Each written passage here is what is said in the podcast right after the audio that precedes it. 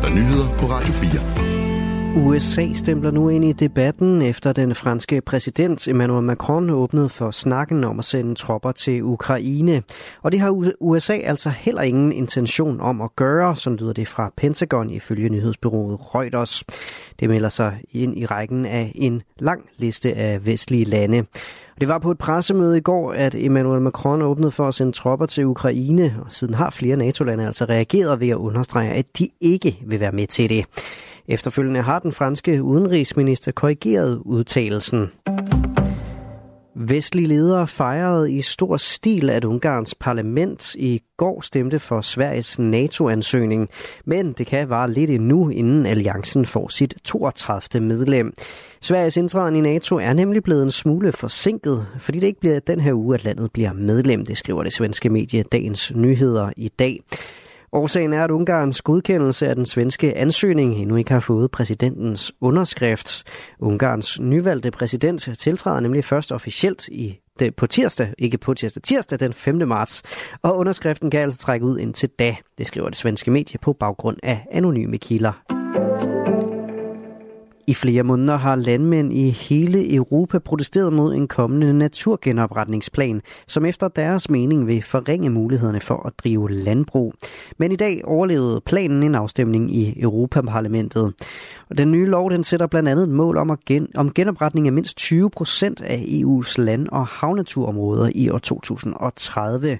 Og det glæder Marie-Louise Kravak, der er havpolitisk rådgiver ved Danmarks Naturfredningsforening. Vi står i en biodiversitetskrise globalt, og vi har arter og naturtyper, som har det værre end nogensinde før. Så det er godt, at vi har fået det her juridisk bindende værktøj, som forpligter regeringen til at sætte fart på de indsatser, som der helt desperat er brug for derude.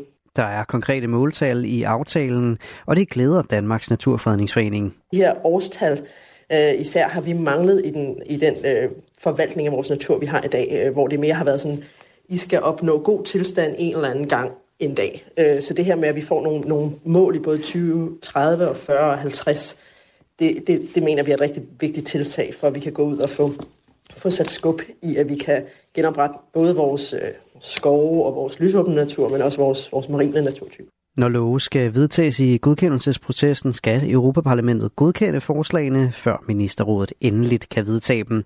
Derudover er næste skridt, at de nationale regeringer skal implementere lovgivningen. Og Miljøminister Magnus Heunicke fra Socialdemokratiet kalder godkendelsen for en stor sejr for Europas natur. Det er vigtigt, for vi står i en biodiversitetskrise, hvor vores havmiljø er presset, og vi taber arter i et hidtil uset tempo. Med forordningen skal vi i fællesskab styrke genopretningen af biodiversiteten i EU, skriver ministeren i et skriftligt svar.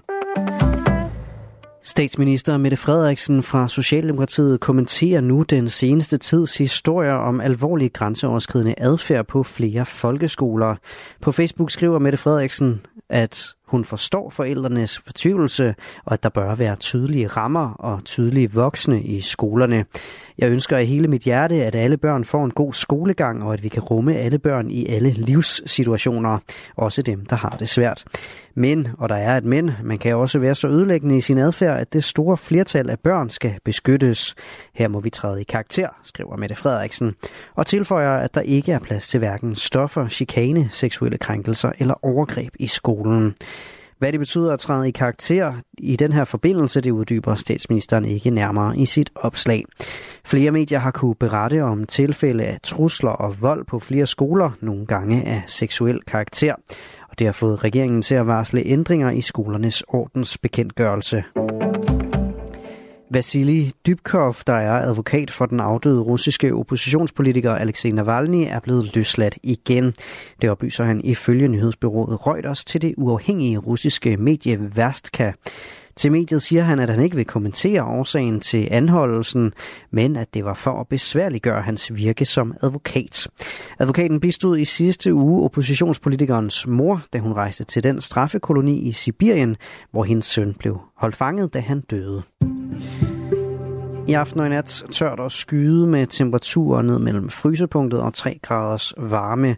Vinden tiltager og bliver efterhånden let til frisk fra syd og sydvest. Langs vestkysten en overgang hård vind. I morgen skyde og en overgang diset, lidt regn eller finregn vestfra, men i løbet af dagen klarer det noget op. Det var nyhederne her på Radio 4 med Asbjørn Møller.